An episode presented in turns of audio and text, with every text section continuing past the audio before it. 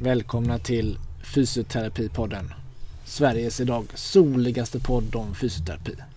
Jag och Viktor sitter här på en altan bredvid en pool. Solen strålar, håller på att gå ner i väster. Idag är det P4 Halland som står för inspelningen. Vi väntar bara på royaltyn också.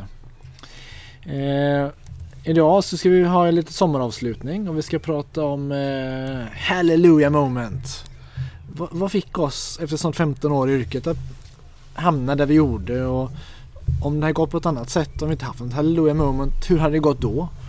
Och kan man eh, gå vilse ibland i det här? Precis. Det finns mycket att säga. Jag tror att de flesta av oss som har jobbat ett tag har något sånt ögonblick från första eller de första åren som, som ändå ja, gjorde ett djupt intryck. Och gjorde att man fastnade för det här och tyckte att det här är nog kanske världens roligaste jobb så vitt jag vet. Ehm, jag minns fortfarande, men jag har nog sagt det här förut för er som har lyssnat och då får ni, annars får ni lyssna igenom alla avsnitt igen men jag hade gått en A-kurs eh, MDT ländrygg. För jag kunde ingenting om smärta när jag började i primärvården. Eh, sen jag måste lära mig någonting mer. Gick en MDT A-kurs. Och det var, gick torsdag till söndag.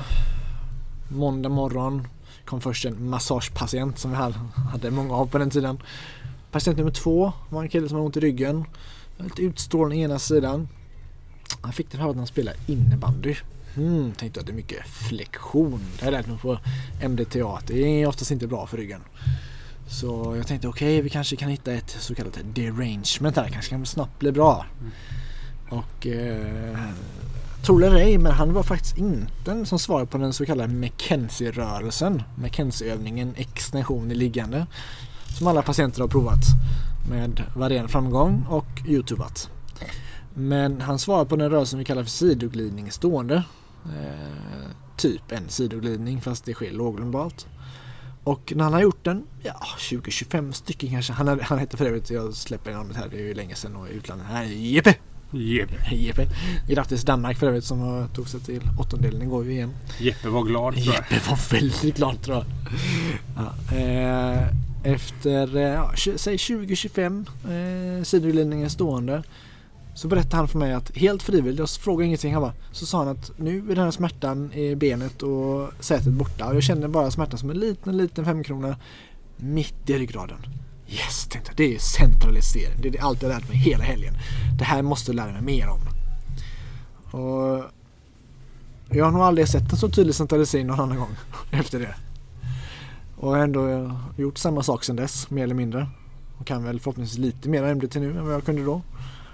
Ehm, och jag, jag vet att kom upp en diskussion om det här inte hade hänt utan jag hade knatat på det med ja, massera varannan patient och Extenderat varannan patient den närmsta 14 dagarna och vi såg en 12-15 patienter om dagen. Jag hade tyckt att det var så himla roligt egentligen med, med sjukgymnastik för smärta i ryggen och så vidare. Jag är inte säker på det alltså. För det var inte roligt de tre första veckorna innan jag lärde mig någonting om det. Det ska gudarna veta. Det är från misslyckade behandlingar. Kolla det avsnittet. Ja, Nej, jag, tänker, eller jag tänker många saker, men en är ju så här att du, att du sen dess aldrig har sett någon riktigt liknande centralisering. Tror du det är för att du inte har haft någon annan patient som svarat på samma sätt? Eller för att du då du nu har förmåga att se annat också? Och du då inte hade det utan var då såg du bara svart och vitt, ingen gråskala kring detta? Det, jag, jag, hoppas att det är det andra. Ja. För jag hoppas att jag lyckas få fler patienter hjälpta och att eh, det har inte varit så tydligt innan att det var så svartvitt förr. Jag har inte förmågan att se andra saker. Mm. Är det nu verkligen borta i benet? Känner du verkligen inte ont i benet längre? Är jag så här, om patienten påstår det så säger jag bara, men, men, men är du säker på att det inte är någonting? Inte ens minsta lilla. Nej, precis. Så har, kraven är högre och förmågan att se grå, gråskalan är nog förhoppningsvis betydligt större också. Och jag tänker också att det finns ett visst mått av, alltså även hade du gått den här kursen fyra dagar och, och trodde väl på föreläsarna och sådär. Ja. Men det finns, alltså alla har vi ju något i, alltså att om någon annan berättar något för oss så kan man tro på det. Men man tror ju aldrig så mycket på det som när man har sett det själv. Nej. Så att även innan, jag tänker att även med den här kunskapen som du fått på kursen så fanns det väl ett mått av Fast fan vet. Nej, kan, alltså, jag, såhär, kan jag göra kan jag, kan, alltså, sådär, Så det blir ju en viss sorts chock i att fan det funkar. Ja. Som gör att upplevelsen blir så mycket starkare. Sen har man ju från barndomen massa andra så här, fan det här går ju, jag kan ju. Alltså, ja. Och så det är det här skolboksexemplet. Det jag lärde mig, det kan man kan ta från, grund, från grundutbildningen också om man har haft någon patient som man har haft nytta av där. Men att det vi lärde oss på skolan, det finns faktiskt i praktiken. Ja. Så det, jag, jag kan faktiskt någonting som är på riktigt. Ja, ja exakt. Det är inte bara... Men det är lite som... Men första gången man kunde simma. Så, fan, jag simmar, det går ju fort med så här. Hade man sett det efteråt så var det... ah, Jag hundsimmade och höll mig flytande i fem meter. Det var ingenting. Men då kändes det som att man, man flög fram i vattnet. För att man var så chockad över att det, jag håller mig flytande, det går. Olympiskt rekord liksom fast det var hundsim egentligen bara då. Ja. Eller första gången man cyklade. Här, man flög fram på cykeln. Det var helt otroligt. Bara för att man kunde trampa och inte ramla. Liksom, sen att man vinglade fram och du vet, höll på att välta någon gång. Det gör inget. För att ens bild då i den här chocken av att man faktiskt kunde det var bara av hur häftigt och bra det var att vi får en sån. Och jag är rätt säker på att jag, ja, jag antar att jag pratade lite med, med JP också Mm. eh, en stund efteråt. Och jag är he- helt säker på att jag inte frågade honom en kvart, tio minuter senare när han slog hem. Hur känns det nu? Nej. Nej, För det där funkar ju bara. exakt. Och det försöker jag vara noga med nu att göra. Det- Ja. Jo, och det är väl det som sagt att, att man, eh, det, man behandlar det på ett annat sätt. Man blir inte heller lika överlycklig över att det faktiskt man förväntar sig ett visst resultat Ja. på ett annat sätt och blir inte lika positivt överraskad. Det är mer, nu är mer roligt när det inte går som man har lärt sig. Det är då Ja. det blir roligt liksom. Man får tänka lite och... Ja. Och det var ju, det var ju att du fastnade för yrsel är ju mycket din grej Viktor som du har haft, Ja. föreläs, haft hållit föreläsningar i och behandlat många patienter och så. Ja, jag har gjort mycket. Min första yrkespatient faktiskt var på... Det var när jag jobbade på Karl Johans sjukgymnastik i primärvården 2008. Då fick jag ett samtal med en patient som sa att jag har fått kristallsjuka och min läkare säger att jag ska gå till sjukgymnast som ska göra en behandling så att det försvinner. Något vagt i bakhuvudet sa mig att vi hade haft något om det i skolan sådär. Så jag svarade direkt, ja men självklart jag bokar in det om några dagar här. Så fick de en tid. Till och med kanske en eller två dagar senare för de var jävligt nyfiken på det här. Och sen så körde jag lite Google-sökning och hittade liksom kristallsjuka, ja men eh, Dix Hallpikes finns det ett sätt som heter. Jag testade det och så såg en bild på hur man gjorde. Och sen finns det Epplis manöver och sådär. Ja, en kvarts liksom googling. Ja men nu har jag koll på det. Till och med skrev ut så jag hade när patienten kom. Testade Dix Hallpikes på en. Testade på liksom höger. Och det var faktiskt höger sida. Jag kommer ihåg det precis. låg i rummet. Testade på höger sida. Superpositivt. Någon sekunds latens. Jättetydlig. Skruvar ur starkmus. Jätte... Direkt låter den ligga kvar. Går över till en Eplis manöver, Behandlar. Sätter patienten upp. Väntar kanske någon minut. Lägger ner igen. Inte ett symptom. Testar liksom Dixolpax. Inget symptom alls. Jag och patienten är ungefär lika chockade båda två. Över att det här tillståndet som kändes som livshotande och hjärntumör alltså allt vad patienten trodde och jag såg ju... Är ju jätte... Två minuter? Nej, fem minuter. Borta. Botad. En. Det här är ju häftigt. Det här vill jag lära mig Ja, mer om. ja. Det här är ju... Fan, kan jag gå runt och bara bota folk på det här sättet? bota Vilken jävla kung! Sjukgymnastkingen går runt där. Jag botar folk från deras liksom yrsel. Skithäftigt. Menar, sen har jag ju haft andra liksom, som också har behandlats och blivit jättebra direkt. Men som du säger, det är ändå alltid att man frågar lite mer hur det är efteråt. Man kanske följer upp lite senare. Ställer bättre frågor. Ja. Frågar inte, det är bättre, fortfarande bättre, eller hur? Mm. Och sen jag menar, det har ju varit... Jag tänker på det, menar, jag har haft liksom, ja, men den, man får det testade i Solpax, det är en, en god lägesyrsel tror man i alla fall hyfsat tydligt. Så kanske tre patienter i rad behandlar man och man får ingen effekt på de första två behandlingarna. Nej. Om den patienten hade varit en sån, Nej. vad hade jag tänkt då? Nej men fan det här det funkar inte riktigt, det var inte så. Alltså, Det, nej, typ, det var tillbaka nej. till Youtube med en gång. Ja. Ja. Youtube Och så ser man hitta något annat. Nej men det kanske inte var så roligt. Istället för att det är skithäftigt. De här Ja. patienterna måste ju söka upp Ja. yrselpatienter och lära mig mer av. Och när man lärde sig mer så Ja. fick man mer verktyg. Att hade det varit tre misslyckade inom situationstecken behandlingar. Eller i alla fall inte alls så självklart Och, svart, och, och svartvita. och svartvita. Eh, och liksom där de kom över gråskalan tillräckligt mot vitt så att jag som då bara kunde se svart eller vitt såg dem som vita. Alltså om jag inte hade haft det, hade haft två eller tre misslyckade, hade jag intresserat mig för yrsel då fortsatt? Inte alls Mycket säkert. tveksamt va, alltså, måste man nog Då säga. hade det kanske varit något annat som Ja. hade kommit in i sig. Balansträning. Man Ja. tränar någon tre gånger och sen har man tiodubblat tiden de kan stå på ett ben och blunda. Då Ja. kanske det man hade kommit in. Ja. Alltså, nya balansfiguren. Ja. Och när, vi, när du berättar här då så klev du upp från eh, stadiet att inte kunna någonting och vara medveten om det. Till första steget på Dunning-Kruger-kurvan. Man tror att man kan allt Man överskattar sin förmåga något oändligt. Man kan inte särskilt mycket alls egentligen. Exakt. Man har fullständig... Man är helt förblindad för sin egen inkompetens. Eh, vilket är ett ganska härligt tillstånd att vara i. Fantastiskt det är. Helt fantastiskt. För, för inifrån perspektivet på det tillståndet är ju underbart. Det kanske inte är det bästa för att vara en framgångsrik behandlare i alla lägen och kanske inte så charmigt från omvärlden. Men att leva i det helt Jag är... Fan nu är jag... Kan yrseln. Jag är sjukgymnastkingen. Exakt. Det, är ju, det är ju en god känsla. Men, men sen som sagt så kommer man ju ifrån det ganska relativt snart så börjar man säga att fan, det finns en liten del av det här jag inte kan. Ja. Det finns ett litet svart, svart fläck på min karta som var helt perfekt Och innan. det är jobbigt va? Ja. Riktigt jobbigt. Och ju mer man läser så ser man att fan, det är ju mer, svarta fläcken blir bara större och större på något sätt. Och då går- går man neråt på den här Dunning-Kruger-kurvan nu. Mm, precis. Tror att man kan mindre och mindre. Ja. Och kanske till och med underskatta sin förmåga kommer man ju till till sist. Och det är där den vänder upp igen ju. Ja, När man sakta, sakta fakt- faktiskt kan mer och mer. Men man kommer, inte, man kommer från inte i närheten av den här piedestalen igen. Som var, alltså gå hem den dagen var när jag hade botat Jeppe. Mm. För jag hade alltså botat honom då. Jag hade förut en läkarkollega som, eh, tidigare som varje dag i frågade- slog mig på axeln och så sa Kalle, har du, bo, har du botat någon idag? Ja, för- för- I början var så här. "Eh, vad- menar du? Det gör jag inte. Eh, Men det var ju på skoj såklart men han, vi är ju där för att bota folk. Mm. På ett sätt också. Sen vi inte kan bota, bota långt ifrån alla men vi är där, vi är där för att bota dem. ja. Jo, på något sätt. Sen till sist så fattar man att det är ju som... Vem är det nu? Är det Aristoteles? Eller Asklepios eller nu som sa att vi ska...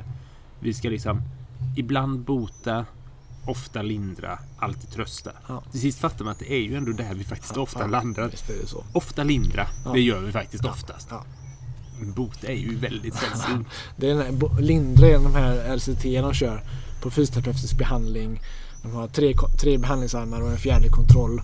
Eh, och eh, när de jämför det här så blir det en måttlig förbättring av symptom, spelar vilka symptom det är. Mm. Och det är statistiskt säkerställd, kliniskt inte, säker, inte signifikant. Nej. Och det spelar ingen roll vad man gör. Nej. Det är lindra. Ja, ja men precis. Så att det, och det förstår man ju mer mer ju längre man håller på. Men, men så här, jag tror man, man ska inte underskatta vikten av att få den här första känslan av att bota. Nej, Av att lyckas. av det, nej. Och alltså även, jag tror att man som, som liksom handledare till exempel för studenter eller för, för mer, mindre erfarna kollegor som precis har börjat att försöka hjälpa dem att hamna i situationer där de får en väldigt enkel förenklad bild av verkligheten där de lyckas för att sporra fortsätta lärandet för att sen hamna på liksom rätt plats. Men att om man börjar för, för gråskaligt så tror jag att man missar att få en del att fastna. Det blir, ja, och det blir inte roligt på samma sätt. Det blir Nej. inte det. Om man strävar, för man strävar kanske efter att få det här ögonblicket igen. Fast det kanske inte ens är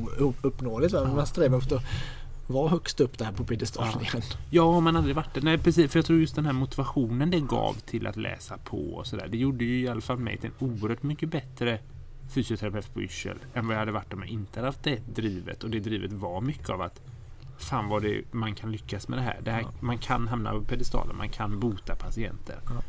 Jag är inte säker på att jag hade hamnat där om jag inte hade haft den första Nej. Det upplevelsen av hur bra det det kan vara. ett vanligt träningsprogram.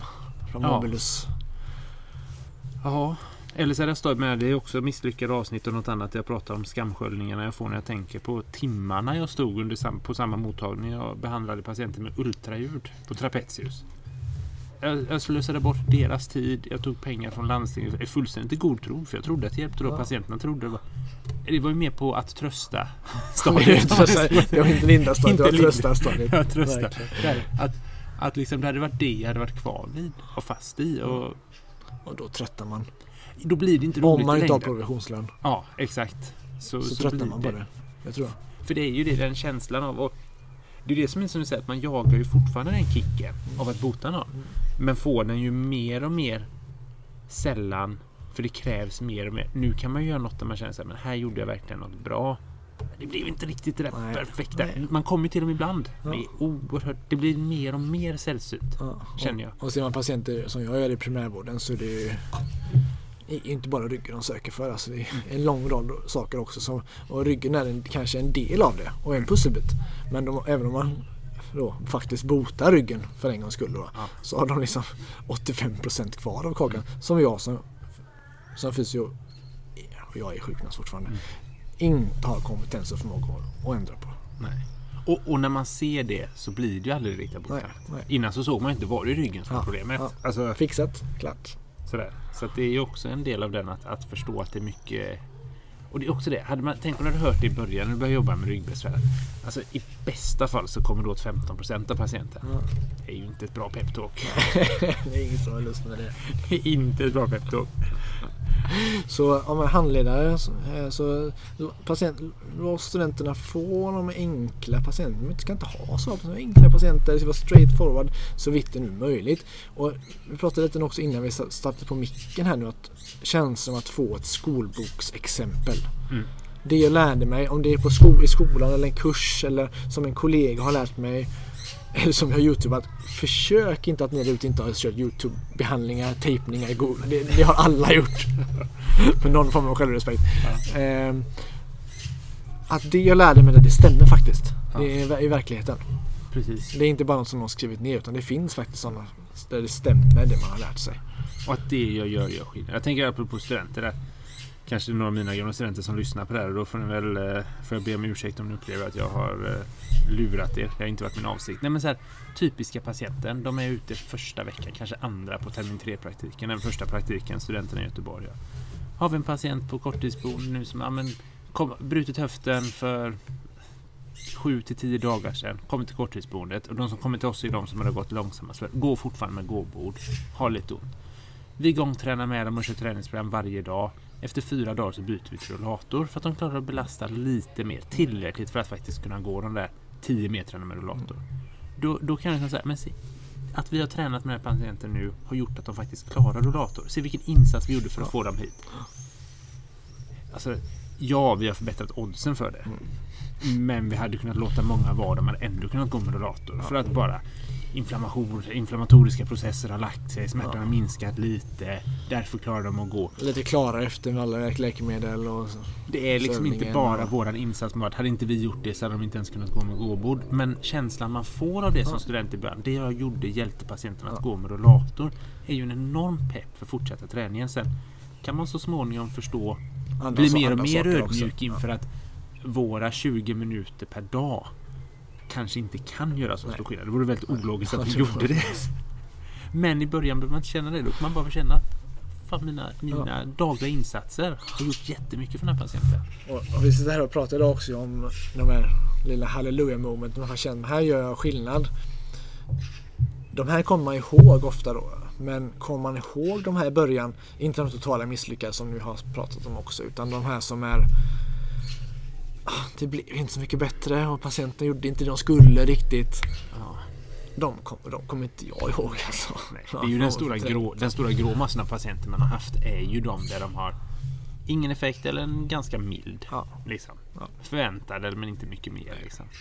Det, är det väl tur att inte de man minns. Ja. Man får ha några, några framgångs och några Exakt. Tragedier, höll jag på säga. Nej, men några riktiga katastrofbehandlingar också. det är de som är roliga att berätta över, lite, över en öl om inte annat. Exakt. Ja, det är faktiskt bland det bästa. Man sitter och tar några öl med andra fysioterapeuter. Det är de roliga patienthistorierna. Man. Det finns många där ute. Herregud vad många det finns. Har ni någon så dela med er på sociala medier så ska vi nog ringa upp er och få med som poddgäster också. Vi tar gärna emot förslag på gäster till hösten. Vi tuggar vidare. Det har ju varit tredje år vi kör nu va? Det blir det. Och planen för hösten är att få in eh, så många gäster som möjligt. Vi har lite idéer själva men, men som sagt hör av er med vad ni vill, vill höra så ska vi göra vårt bästa för att ordna detta. Fysioterapipodden tar nu semester i ett soligt Halland. Äntligen! Yes! Och eh, vi är tillbaka igen framåt hösten. Följ oss på sociala medier. Vi får försöka posta något litet under, eh, under sommaren också. En liten blänkare då och då. Ja.